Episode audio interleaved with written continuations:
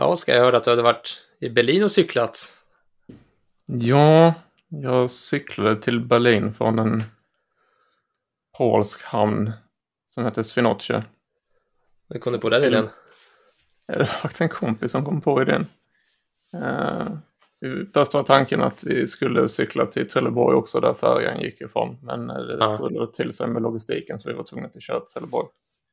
Men så det blev eh, Svinoce, Polen, eller Svinoce, Berlin, Svinoce. Så det blev cyklade som en oval cirkel.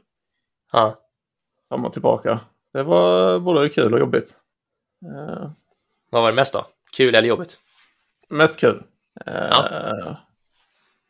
Men uh, vi hade en del tekniskt strul. Min, min kära vän Johan, hans hjul exploderade i princip när vi kom fram till Berlin. Vi hade, vi hade sex kilometer kvar till stället vi skulle bo på och då gick hubben sönder på hans bakhjul. Så då, mesta, vi hade några dagar i Berlin men det mesta av den tiden gick åt till att försöka hitta nya hjul till honom. ja, det var kul. Som sagt. Vi fick gå i Tysklands största cykelbutik som de har i Berlin. Den var Jaha. gigantisk. De hade allt man kunde tänka sig sätta på en cykel. Och mer till. Så var man, cykel, är man en cykeltönt som jag så var det väldigt roligt. Och ägnat ett par timmar. Köpte kul då?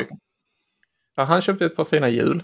Ja. Uh, jag köpte lampor och uh, Loctite som man tydligen ska ha på uh, en, vissa av skruvarna när man skruvar fast saker på cykeln. För jag tappade några skruvar till mina framdrev under vägen dit. Så det var mm. inte så bra. Jag, fick, jag fick för mig att Berlin också var en döende cykelstad. Det rapporteras ju att de tar bort fler och fler cykelbanor och att det, det är liksom inte främjas att, att cykla numera i, i Berlin? Är något du känner Innan Berlin var helt okej, okay, men när man skulle ja. in och ut ifrån Berlin så var det ju kaos. Okay. Det, det var hetsig trafik och så tvingades man... Eh, det var någon konstig grej, jag vet inte vad det är så i Sverige också, men man fick om en, om en väg var enkelriktad och du, då fick du cykla mot den enkelriktade riktningen med cyklar. Jag vet inte vad det är så i Sverige också. Men det blev jag lite konfunderad över och lite ambivalent anställd, eller inställd till ifall det är så jävla smart ja, egentligen. Uh, nej, det var, det var ganska stökigt att cykla. i Sverige också. Är det Men jag tror, jag, nej jag ska inte, jag ska inte svära på det nu, men jag tror att, att man får cykla eh, mot enkelriktat. Men nu blev jag jätteosäker varför du sa så. Det var ju jättemycket folk i Berlin också för det var Pride-festival när vi var där. Så det var ja, väldigt kaosigt att, uh, att cykla där. det var inte så angenämt. Ja. På grund av ja. folkmängden. Härligt. Ja, ja, men det här är ju inte en cykelpodd, eller Oskar? Nej, men vi kan starta en annan podd. Det är lätt kunna prata om cyklar trots, med tanke på hur dåliga jag är på cyklar. Ja, ja, ska vi sitta och snacka Tour de France också och alla stora tävlingar. Det har vi gjort. Ja, men utanför den här podden.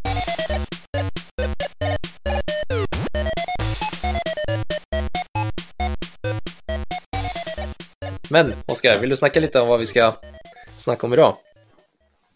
Ja, jag vet, det är kanske är en dålig idé. Men jag har ju nämnt vid några tillfällen i podden här att jag sitter så som många frontutvecklare förmodligen någon gång under sin karriär. Ja, jag sitter och utvecklar ett komponentbibliotek Eh, och då kanske det är många som suckar ute och vad tråkigt. Men Åh oh, nej, inte jag nu igen. Ska de snacka komponent? Ja, en, ja, ett komponentbibliotek.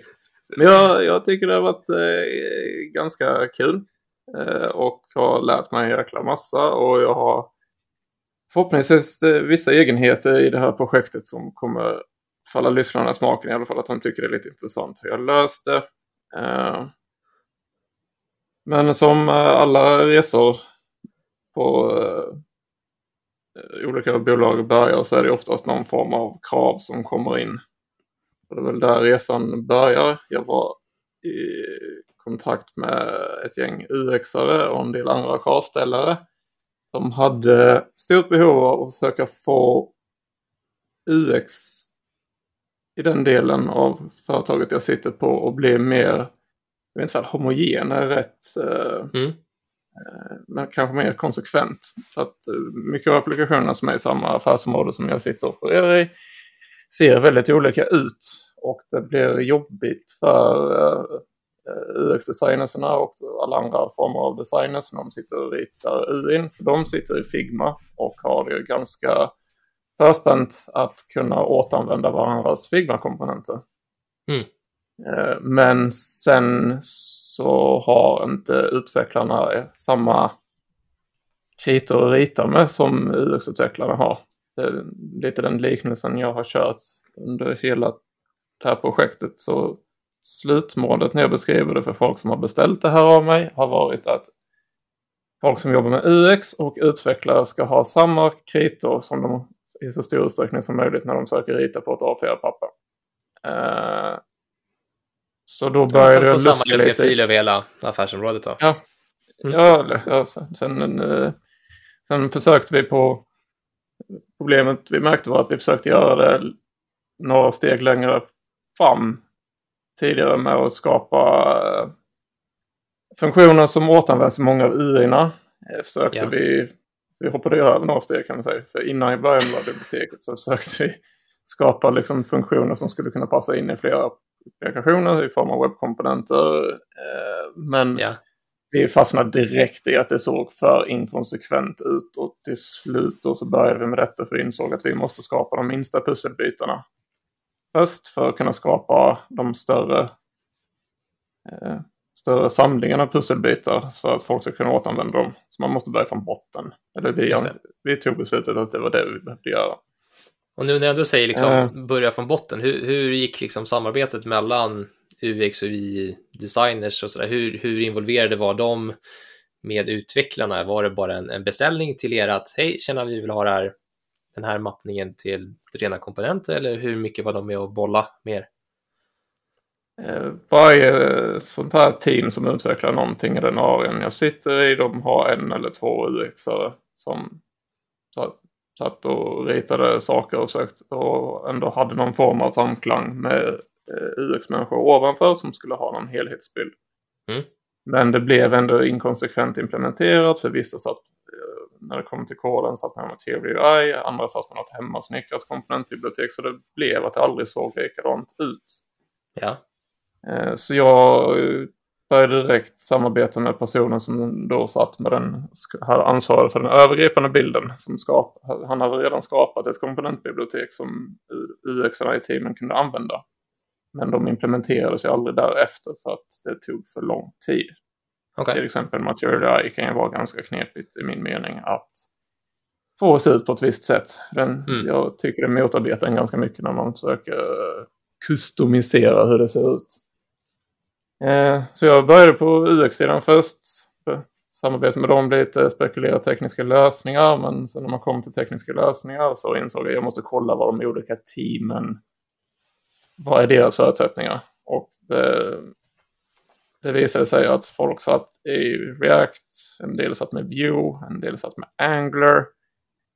Så jag spekulerade först om man skulle göra någon sån här, man skriver en komponent och så blir det pratas det till flera olika komponenter. Eller mm. flera olika, så det ska vara kompatibelt. Men det verkade ganska bökigt. Det har kommit lite senare nu.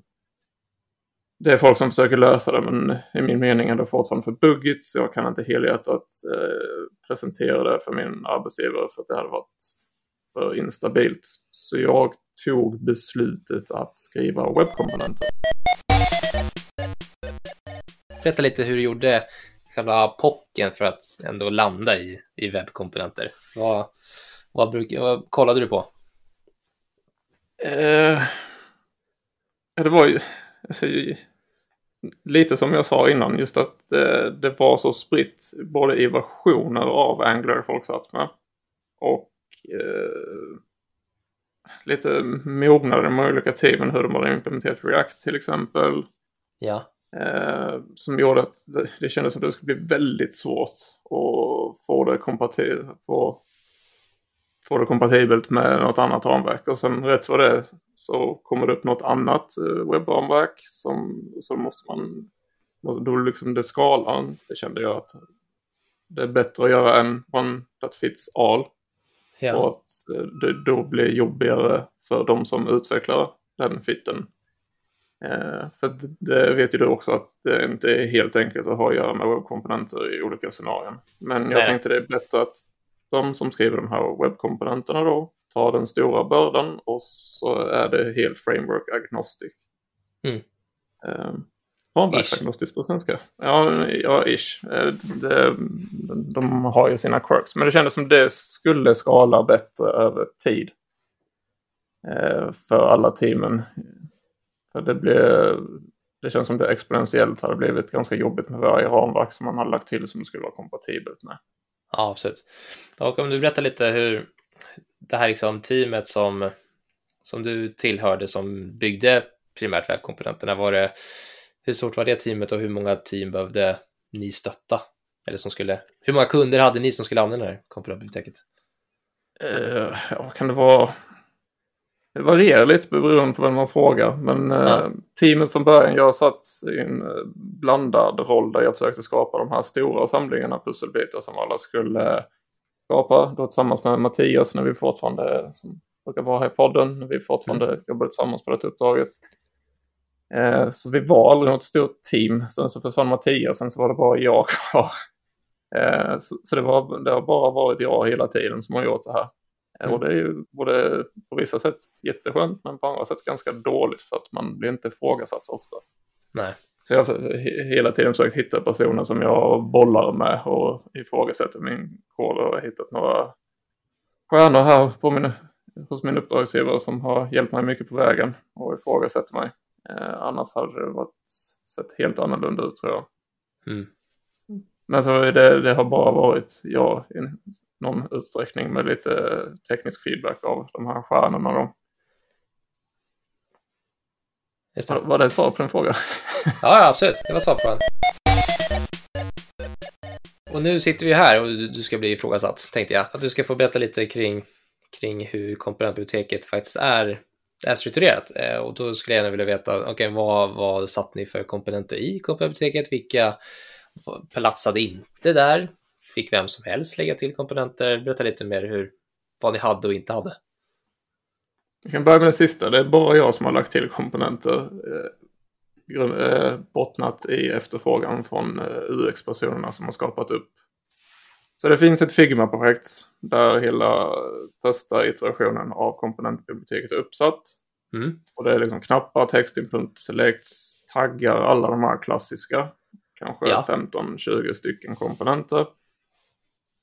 Uh, och den stora frågan var väl först också, så de, jag visste vad jag skulle skapa, men den stora frågan var hur, vilka tekniska verktyg ska jag använda för att skapa det?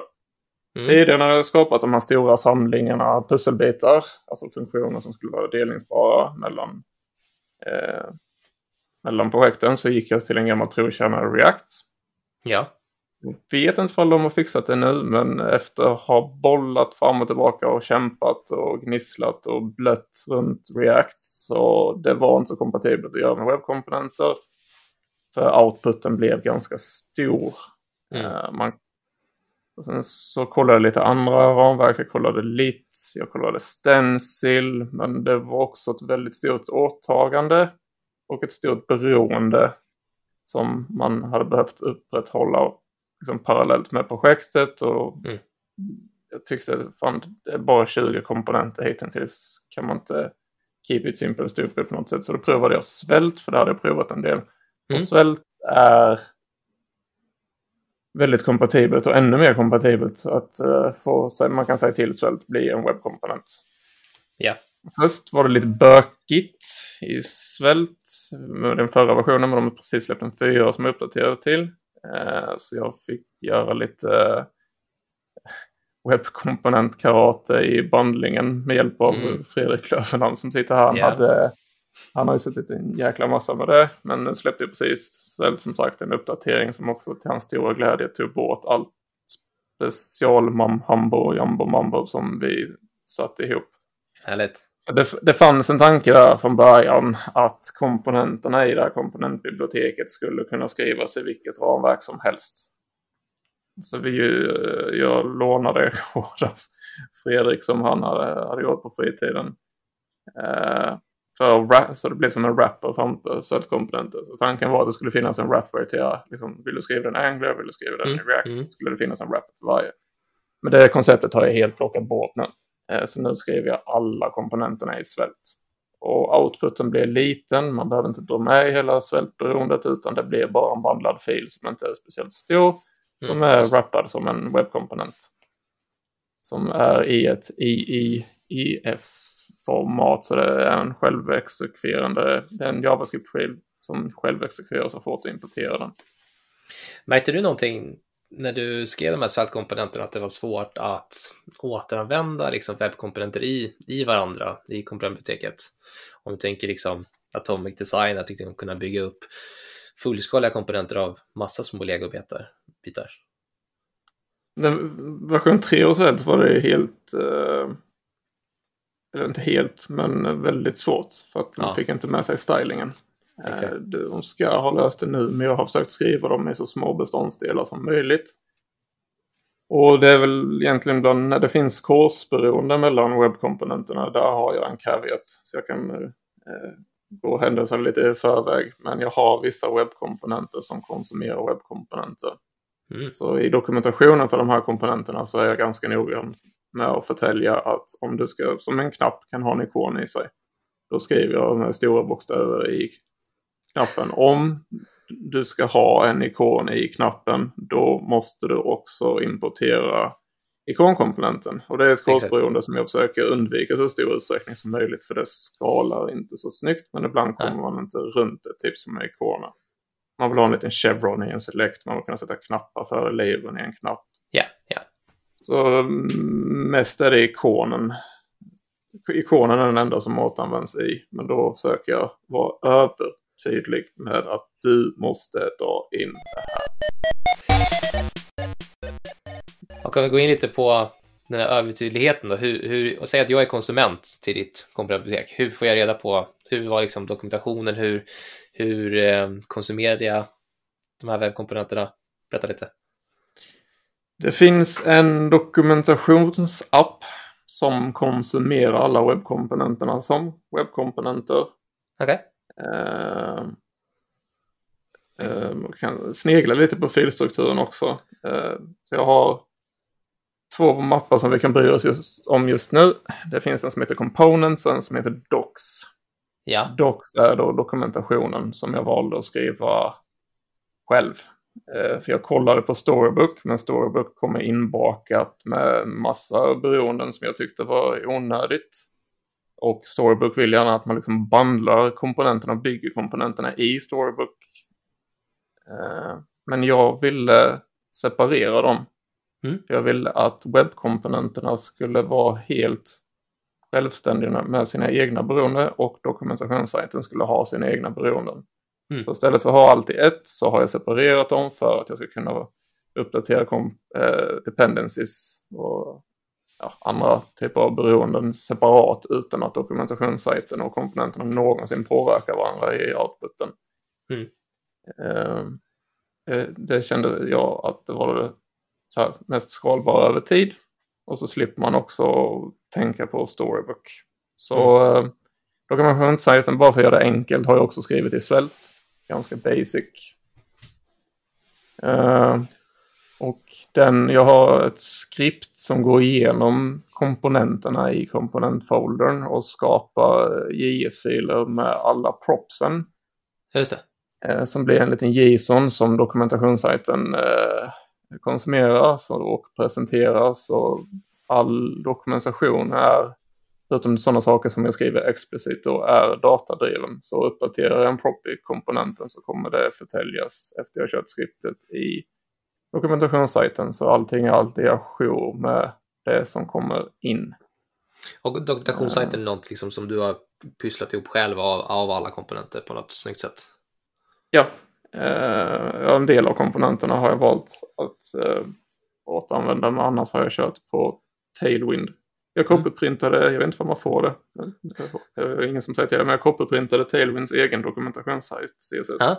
Jag bara plockade klasserna Tills jag fick en, är ganska lik ut Tailwinds uh, upplägg. Alltså det är bara en one-page applikation där jag listar alla eh, listar alla en, komponenterna i en vänsterjusterad meny som är fixerad. Ja, Sen ska det vara en one-page-applikation så alla komponenterna är liksom på en sida.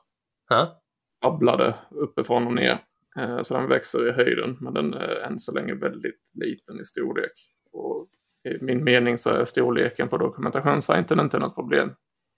Eh, det är storleken på webbkomponenterna som skulle kunna bli ett problem. Men de är också väldigt små på grund av att jag valde svält. Så där fick jag, ja, där, där har jag fått eh, vind i seglen på mina beslut. Eh, svält är väldigt schysst att jobba med med webbkomponenter. Ja.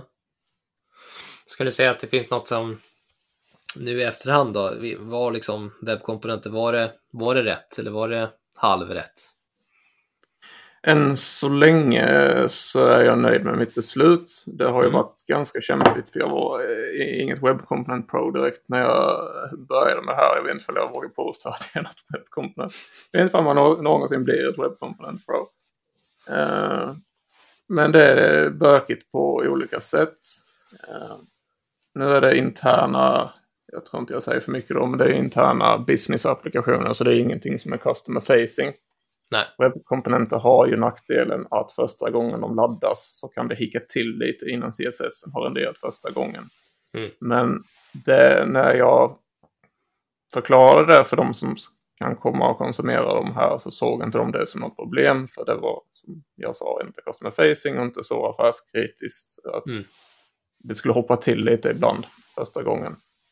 De flesta av de här applikationerna har redan ganska långa laddningstider. Så det och det syns eh, en loading screen eller något sånt före så att det där kommer ske i skymundan så mm. det kommer inte bli något problem. Uh, men annars är jag nöjd fortfarande. Det återstår, för det är fortfarande typ så här alfa, beta fas nu. Men nu i höst så ser det ut som att det liksom smäller så nu ska vi testa det i vi har några projekt som vi har hittat eh, som är tänkta liksom förstahandstestare så vi ska testa att de konsumerar det pratade lite om den här bundling-magin som man oftast behöver göra med webbkomponenter. För det, det satt ju vi och härkade liksom jättemycket med. Nu kommer jag inte ihåg vilken svältversion det var, men det var ju två år sedan, något sånt där, mer tror jag. Och liksom det var mycket roll-up magi vi behövde hålla på med. Så jag kan tänka mig att, att arvet, jag och en Mm, för detta kollega Pontus Dahl lämnade efter oss till Fredrik, så har Fredrik förfinat det och kanske gjort mycket bättre som du fick se då till slut. Hur mycket, ja, hur mycket liksom alltså här, sån det... Eh, bandling-magi håller ni fortfarande på med eller försvann allt, allt sånt i, i Svält 4 för er? Jag tog bort allt när jag hoppade över till Svält 4. Ja. Men innan det så var det mycket traversering i statiska filer ja. för att få se till att bindningarna till exempel blev rätt. Att man var tvungen att ha någon klass framför och rätta till saker. Det blev så mycket detaljhantering som inte hade blivit skalbart med att du mm. uppdaterade svältversionen. Så att kunna ta bort det helt och hållet i Svält 4 var en enorm vinst. Det var inte helt utan eh, ansträngning. Jag fick skriva om nej, ganska nej. mycket. Men det var lätt värt det. Nu skalar det så sjukt mycket bättre. Mm, eh, när man inte behöver äga det beroendet själv. För det blev så omfattande så att vi satt och spekulerade när jag pratade med min närmsta kravställare. Anton, shout out to you. Jag vet att du lyssnar på den här podden. Att eh, vi funderade till och med på att frilä frilägga det som ett eget beroende. Just för att andra också skulle kunna återanvända det för det var så mycket ja, komplexitet. Men nu finns det ingen anledning. Eh, tagit bort allting. Nej, I princip. Jag har några små specialare kvar men det är inget superkomplext. Och era applikationer som, som ni, eller era konsumenter då, det var liksom helt fristående applikationer som aldrig behövde prata med varandra eller flera team som, som levde på samma plattform. Om du tänker klassisk mikro, mikrotjänster eller något sånt där. Det kom, just nu är det fristående applikationer mm. som bedrivs som egna team men det kommer nog bli mer som det senare du sa. Att det blir folk som sitter i delar av olika eh, Alltså att man får en varsin ruta i en större applikation. Det kommer nog mm. gå mot det hållet ser det ut som. Det kommer att ta lite tid. Men eh, det fanns ju i tankarna när vi satte upp det här. Så därför tänkte jag sjukt mycket på hur de skulle konsumeras. Mm. Eh, så allting... Eh, när det deployas så deployas det till en CDN. Yeah. och den vi använder Azure som molnklient. Så då kommer ju det vara ganska kraftfullt att webbläsaren cashade om det är samma, vi kan komma, komma till det sen, version av komponenten eh, som konsumerar. Så har du fyra olika rutor som använder samma knapp och samma version så kommer det cashas och då blir vinsten enorm. Vi slipper dem istället då för alternativet hade varit att man hade lagt det kanske som en, någon form av NPM-bibliotek som man dragit in och så hade allas bundle size påverkat av samma knapp. Mm. Med nackdelen då att första gången en webbläsare möter den här knappen så kanske det kommer hicka några millisekunder innan CSS är renderat. Men sen så kommer alla dra nytta av att det är samma knapp som är cachad i webbläsaren vid ensidig host. Och då, då menar du att, att konsumenter har inget aktivt i sin package som, som liksom pekar hårt på en version av paketet utan det läses direkt från CDN upp i, i runtime då? Det är en manifest JSON-fil som eh, konsumenterna drar ner. Som exponerar en path till en cache-bustad en cache path till en JavaScript-fil. Eh, så det är så de konsumerar dem. De får ha ett litet stycke så nära roten i sin applikation som möjligt där de drar in de olika versionerna av mm. komponenterna. Eh, och där finns en tanke för framtiden att frilägga det som ett beroende. Att istället för alla ska behöva skriva exakt samma JavaScript-kod överallt så ska det finnas ett beroende där du kan mata in versionerna du vill ha istället. Och så hämtar man det genom beroendet istället för att alla ska duplicera exakt samma kod som jag har liggandes i dokumentationen just nu. Men det är ett senare skede. Har ni, har ni då också tagit höjd för, som säger ett framtida potentiellt eh, perspektiv, att ni har flera team som lever under samma, eller i samma webbinstans, men med olika versioner av biblioteket? Ja, detta eh, hoppar jag fram några steg också i mina anteckningar. Men detta är mitt största bekymmer med hela projektet. Ja. Eh, för jag, kommer, jag försökte länge komma undan att behöva versionera. Ja. Men fick ge upp. Eh, och versionering introducerar så sjukt mycket problem. Mm. Jag ser inte ens det som tekniska problem, jag ser det som kommunikationsprotokollsproblem absolut. Den st största utmaningen för det här projektet är hur man ska förtälja för de olika projekten som inte har så mycket samklang just nu. Eh, hur man ska kommunicera förändringar. Mm. Mest också för att eh, jag är en människa som har byggt det här så det kommer gå fel. Så hur, hur kommunicerar jag när shit hits the fan?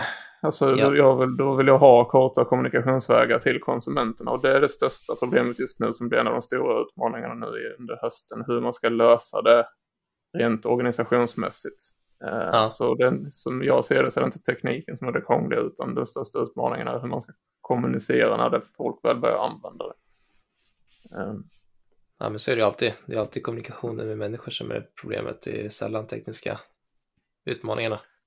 Och det finns inga silver bullets där. Det är, liksom, det är helt beroende på organisationen, hur mogen de är i olika aspekter, hur, vilken teamuppsättning de har, hur kommunikationen funkar i övrigt, hur, liksom, också hur teamen känns ganska olika också.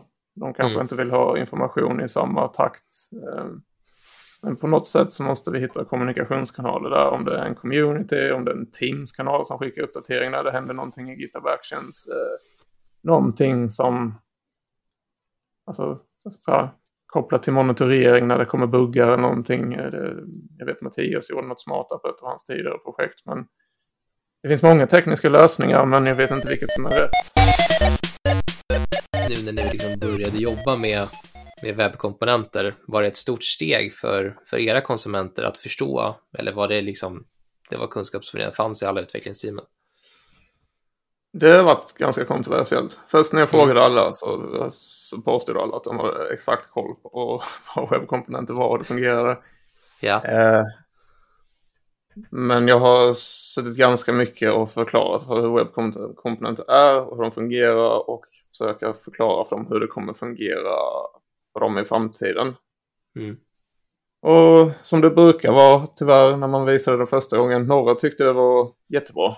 Men majoriteten har ju, av de som ska konsumera det rent tekniskt, utvecklarna har ju bara tyckt att ja, ännu en grej som vi ska ta beaktning. Mm.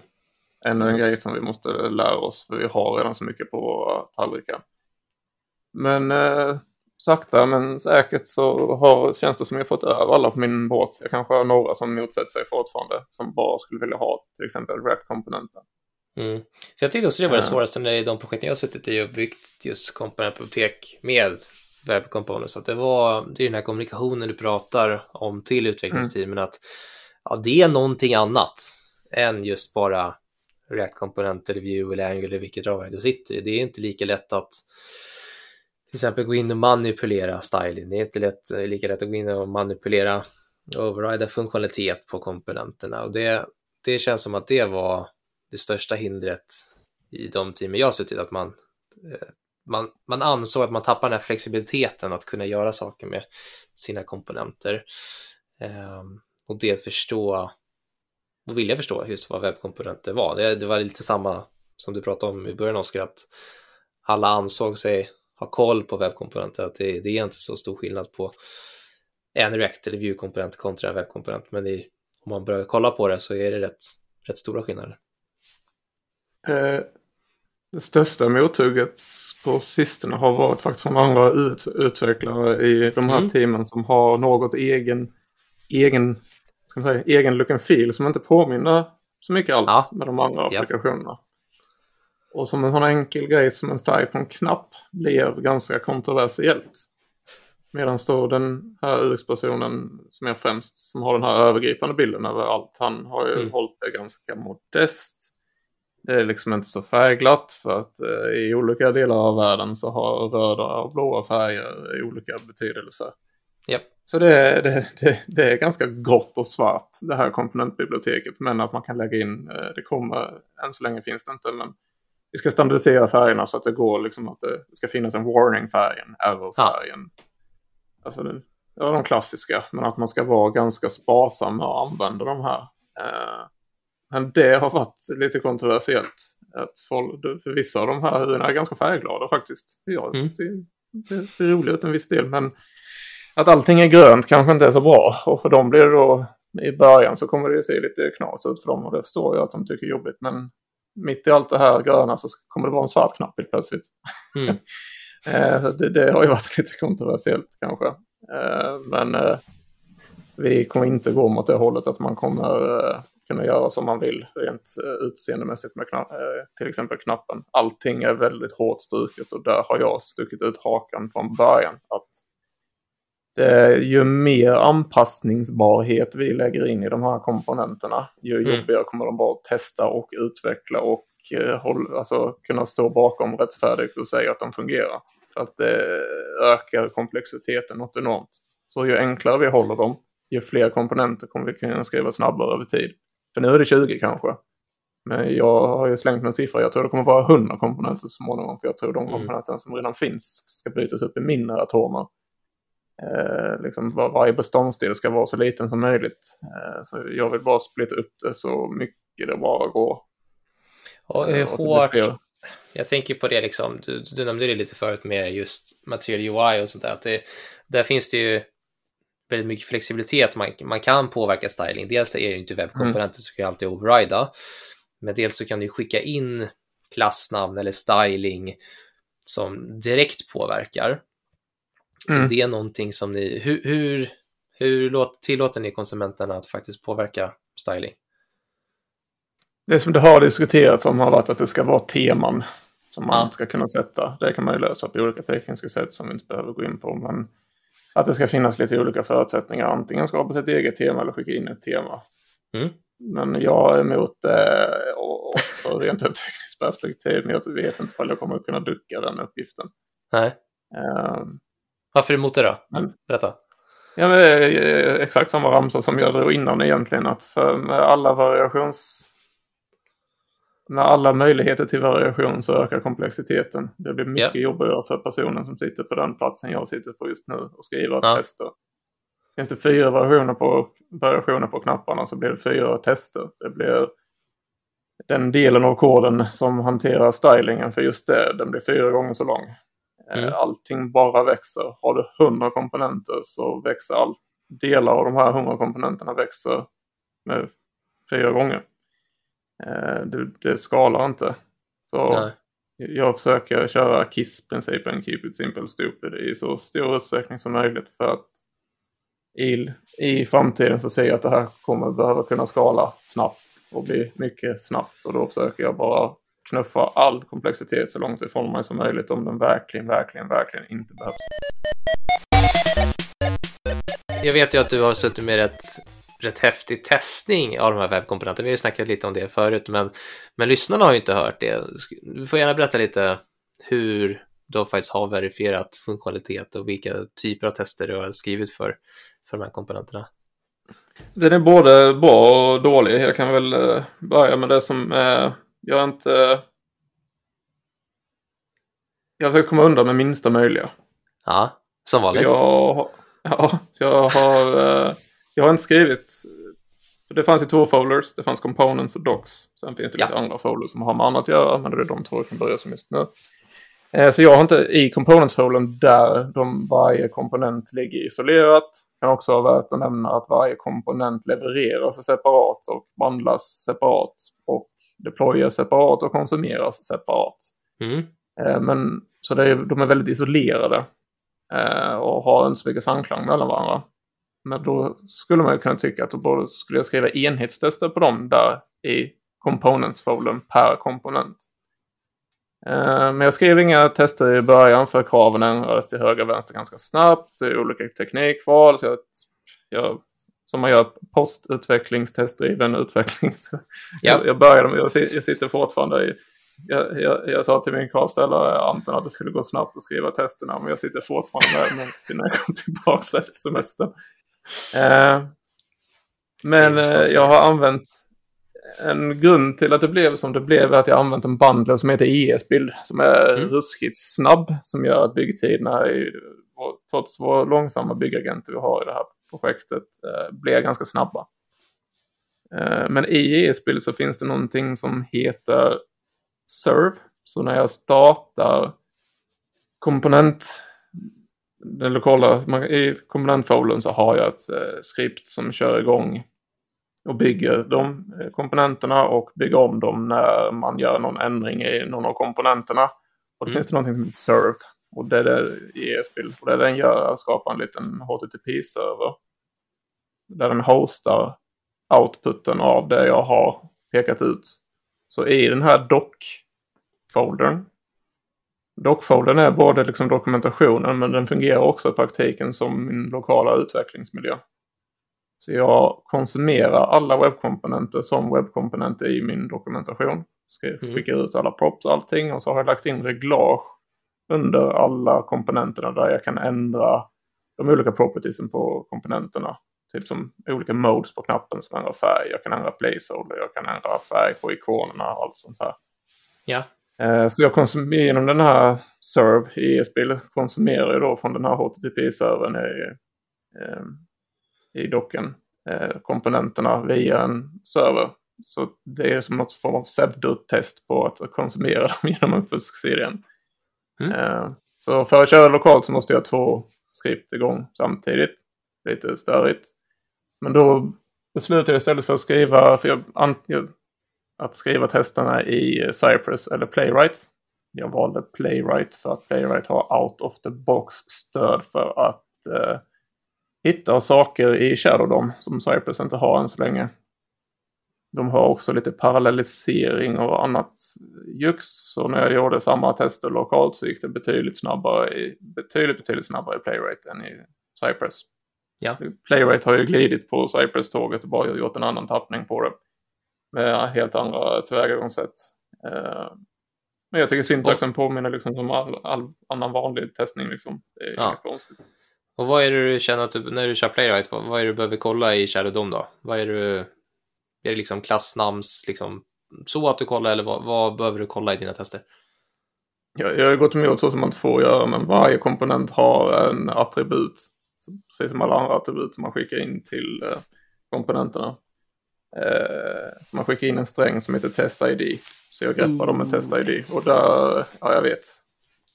Eh, men jag tyckte det blev smidigast och mest läsbart. Ja. Så varje komponent har en Test ID. Så vill konsumenterna sen återanvända det för att testa i sin egen testning så kan de ju göra det också. Så det är inte helt ja. utan nackdelar heller. Eller helt utan fördelar.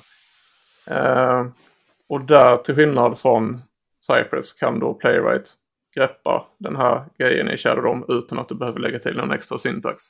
Mm. Och det funkar bättre och är inget krångel. Det funkar out of the box. Jag behöver inte konfigurera någonting. Det bara funkade. Det var väldigt smidigt. Eh, för communityn var ganska... Cypress har ju väldigt stor community och de var ganska kluvna och frustrerade kring Shadow-kompatibiliteten. Ja. Så då istället för att skriva enhetstester så testar jag allting på komponenterna i dokumentationen. Och den största caveaten där är ju att då dokument för att kunna testa komponenterna så måste dokumentationen fungera. Så då får de ett korsberoende som jag försökte undvika från början genom att separera dem. Och det är det jag har mest emot det. Eh, men jag slår många flugor i en smäll. Jag testar att webbkomponenten går att importera. Jag testar att webbkomponenten går att konsumera. Jag testar att den renderar i en applikation. Ja. Och sen så testar jag för att, nu kommer jag in lite på webbkomponenten, men för att testa, eller för att, typ som ett on-click-event, då har jag valt att använda custom events som är ett eh, välstött eh, API i Windows i alla webbläsare, i Windows mm. i alla webbläsare. Så jag testar alla custom events också via docken och ser till att all eventhantering fungerar, att det går att trycka på knappar. Eh, att det går att ändra på alla props, det verifierar jag genom att bara greppa komponenten i Shadow och kolla att ja, CSS ändrade sig när jag ändrade färg på knappen. Mm. Jag, jag, all funktion, det är inte någon funktionalitet som inte har gått att testa i webbkomponenterna genom docken, genom Playwright. Eh, så det har faktiskt funkat förvånansvärt bra. Snyggt. Eh, mycket lättare än vad jag trodde det skulle vara. Det var ganska mycket att sätta sig in i först och försöka optimera testerna. Jag har suttit väldigt mycket i, med CICD för att få testerna att exekvera så snabbt som möjligt. Jag tror jag sa det till dig häromdagen. Jag, när jag körde dem först lokalt så tog det 20 sekunder på min burk men så tog det 12 minuter i pipelinen. Eh, så jag, jag hade en del jobb framför mig där som jag löste till slut. Eh, så nu är jag nere på tre eller fyra minuter i pipelinen. Häftigt. Det slutade med att pipelinen blev sjukt mycket dyrare att köra. Men jag tänker att det är värt eh, sam, samma, samma agent men den, eh, den, den kostar lika mycket som en... Om det tar tre minuter så kostar den lika mycket som en pipeline som tar 12 minuter. Ja, snabbare men dyrare. Jag menar, time is money. Ja, det är samma pris typ. Egentligen är det billigare då. Ja, på sätt och vis faktiskt. Uh, nej, men så jag stör mig lite på att det finns ett korsberoende mellan dokumentationssajten och komponenterna. Uh, ja. När jag kämpade så hårt från början med att försöka särskilja dem. Uh, men jag misslyckades med det redan innan när jag använde dokumentationssajten som en utvecklingsmiljö för komponenterna. Men ja, det funkar förvånansvärt bra. Så jag är lite nöjd med den historien faktiskt. Jag tänkte om vi skulle börja avrunda lite avsnittet. Och om du skulle liksom ge lyssnarna någon, någon, eh, några tips på vägen. Liksom vad, vad var de största hindren tyckte du? Som du stötte på i det här arbetet? Versionering. Ja, alltid. Uh, det har jag inte nämnt, men jag har kanske varit lite kontroversiell med versioneringen också. Uh, vi kollade på diverse tredjepartstjänster som skulle hjälpa mm. oss med att kommunicera förändringar och illustrera och distribuera olika versioner. Men jag tyckte inte något var bra. Jag satt i flera stycken sådana här super corporate möten med key account som presenterade deras häftiga dyra tredjepartstjänster.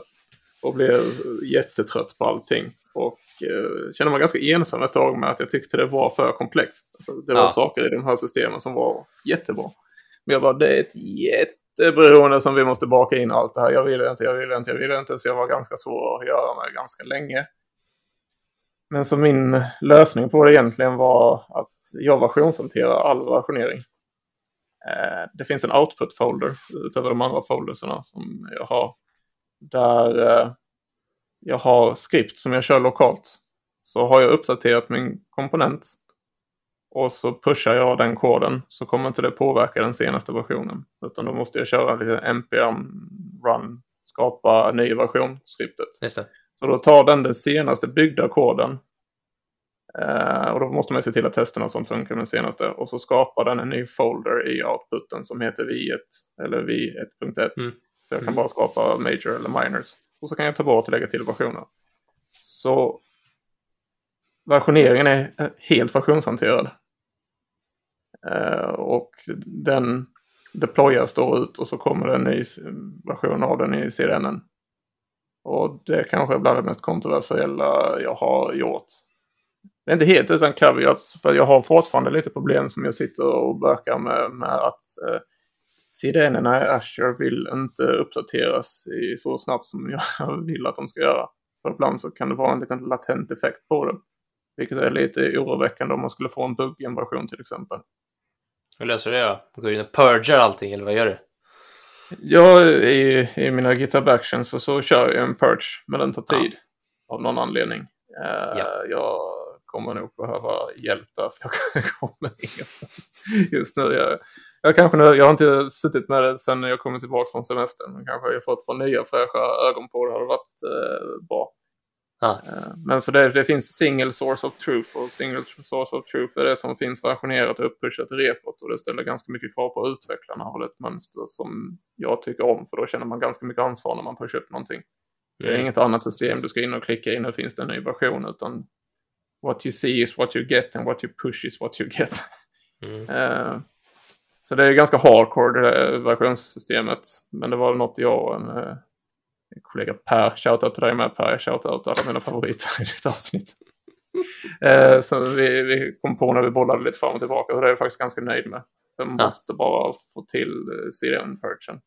Men versionering, för långt svar på en avrundning, är eh, Eh, håll, håll, tungan rätt i mun med, om ni försöker er på detta var ni än sitter, att försöka lösa det bästa till rent objektivt organisationen, för det är mm. väldigt krångligt.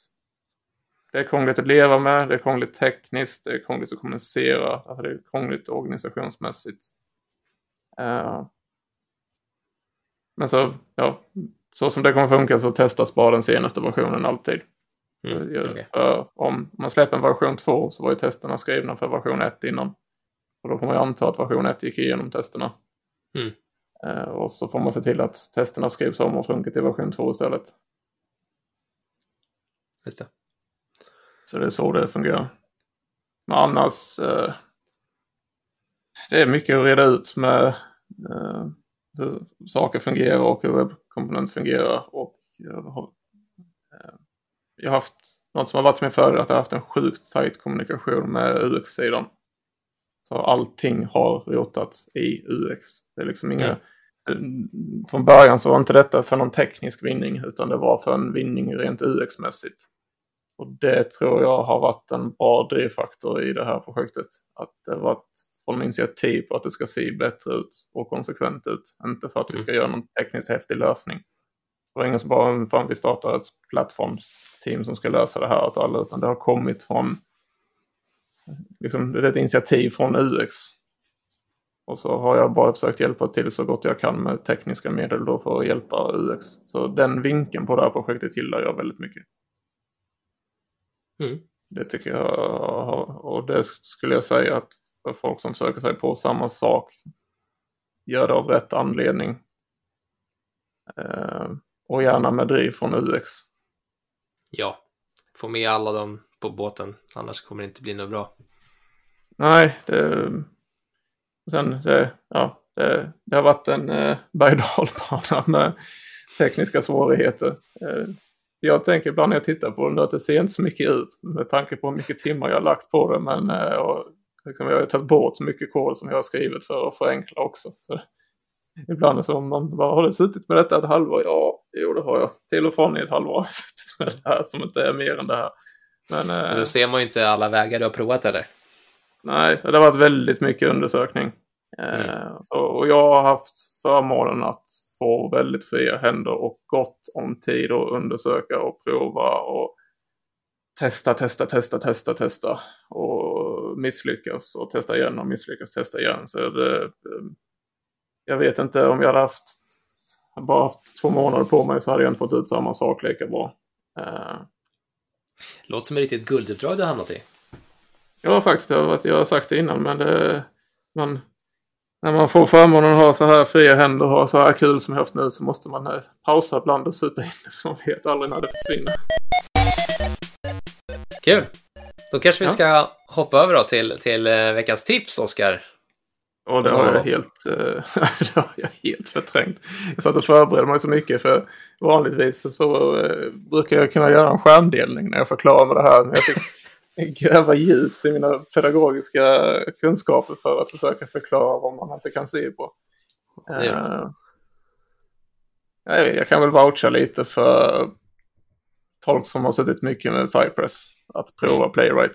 Uh, jag var lite skeptisk först för att jag var ganska bekväm med Playwright, eller med Cypress. Men jag måste säga att jag är uh, väldigt nöjd med Playwright och tycker de tog ett steg, eller tagit några steg i rätt riktning, speciellt om man testar med webbkomponenter. Så om du är lite Cypress-trött eller känner lite för Cypress-frälst, släng ett getöga på uh, Playwright också. Det är värt mm. ett försök. Du då, har du något på lager? Jag vet inte. Jag tyckte det var intressant nu när det kom ut nyheten att uh, Dan Abramov ska sluta på Facebook. Det tyckte jag var såg jag också. Det... Man skulle fortfarande vara en independent contractor som satt med i någon form av styrelse eller någonting. Ja, han försvann, ju, han försvann bli... inte helt. Nej. signalpolitiken var ju uh, lite kontroversiell. Ja, exakt. Han är ja, det ska bli intressant att se ja, Mr React slutar liksom. Det får vi se då. Om det blir något revolutionerande eller om det plötsligt så är inte React IBM längre som vi har pratat om i den här podden.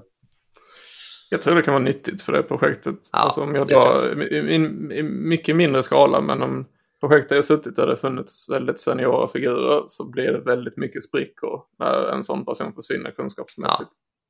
Men i sprickorna så kommer ju solskenet in. Det kanske kommer andra nytänkande som har helt andra vinklar på saker. Han har suttit oh ja. där väldigt länge och förmodligen styrt och ställt och fått haft stort inflytande så det kan vara nyttigt för dem att få in ja, nya friska fläktar också. Men det ser ju inte bra ut. Nej. Nej, men det ska bli intressant. Så det, det är väl mitt tips. Eller tips, det är en nyhet att hålla koll på i alla fall. Och se vad som händer. Jag har ett cykeltips. Använd Loctite på saker som ska sitta fast på din cykel. Skruvar som måste sitta fast. Använd Loctite.